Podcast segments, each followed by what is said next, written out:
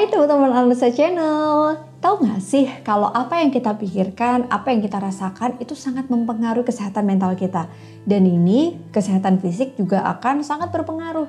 Kayak sebelumnya nih aku sempat ngebahas bahwa semua sistem kerja manusia itu baik tubuhnya maupun mentalnya itu sangat tersinkron jadi satu gitu. Jadi kalau misalnya kita bahas secara fisiologisnya, di bagian otak kita itu ada satu sistem limbik yang mengatur segala perilaku manusia, disebut sebagai amigdala. Teman-teman pasti udah sering banget ya dengar amigdala ini. Nah, apa sih kerjanya amigdala? Amigdala ini akan menerima respon emosi dan dia akan menebarkan satu reaksi kepada uh, sistem korteks di kepala kita, di otak kita, lalu kemudian kita akan dikirimkan sinyal apa yang mau kita lakukan hari itu.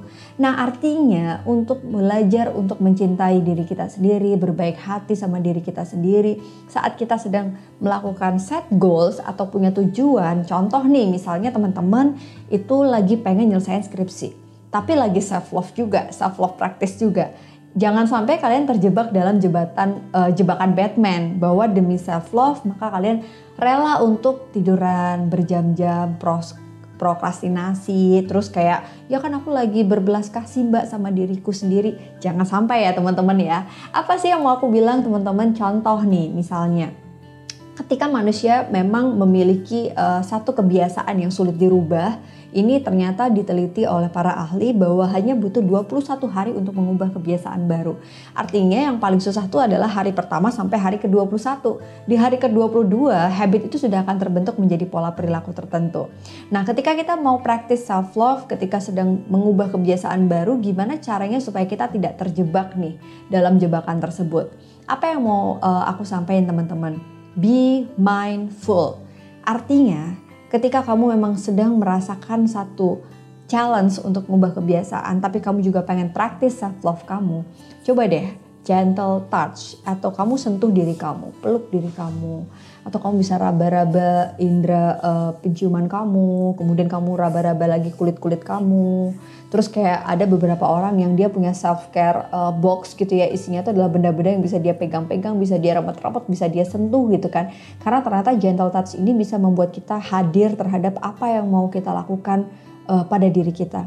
Pada saat kita hadir secara penuh kita sadar bahwa kita tuh tidak sedang menyiksa diri kita, tapi salah satu cara kita untuk mencapai tujuan yaitu dengan selesai lulus skripsi cepat, itu adalah bagian dari self love kita. Dan ketika kita menundanya, artinya kita sedang tidak berbelas kasih, tapi harus dengan satu kesadaran yang utuh. Maka gentle touch itu harus menjadi salah satu butuh menjadi salah satu cara untuk kita menyadari kenapa kita akan mengubah kebiasaan kita. Yang kedua adalah vokalisasi. Coba deh teman-teman visualisasikan, dibayangin, terus diomongin. Kenapa sih aku harus lulus skripsi? Apa sih tujuannya? Dan yang perlu diperhatikan adalah goals yang kamu buat ini harus realistis. Jangan sampai goals yang atau tujuan yang kamu mau buat itu tidak realistis. Contoh misalnya, dalam waktu satu hari kamu pengen menyelesaikan skripsi kamu. Padahal itu nggak mungkin. Artinya itu kamu nggak sayang sama diri kamu dan kamu juga tidak realistis dalam membuat sebuah target. Yang kedua adalah konsisten nggak apa-apa kok nggak berubah 100%, yang penting setengah persen aja asalkan setiap hari itu bisa menjadi satu perubahan yang positif untuk kamu.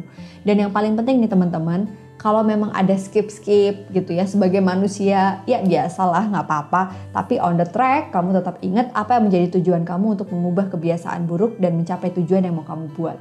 Dan yang terakhir adalah bagaimana kamu harus sabar dan menyampaikan kepada orang sekitar sebagai support system kita untuk mendukung kebiasaan baik kita nih. Nah, teman-teman, ternyata bukti untuk kita mencintai diri bukan berarti dengan salah satu caranya memaklumi diri kita bermalas-malasan ya. Tetap dong, mengubah kebiasaan baik dengan sebuah tujuan yang baik untuk diri kita adalah cara kita menyayangi diri kita sendiri. Sampai jumpa di series berikutnya dan kalau kamu suka video ini, kasih love sebagai bentuk self love kamu karena mendapatkan sesuatu yang bermanfaat nih untuk kamu. Terima kasih dan nonton Alisa Channel. Assalamualaikum.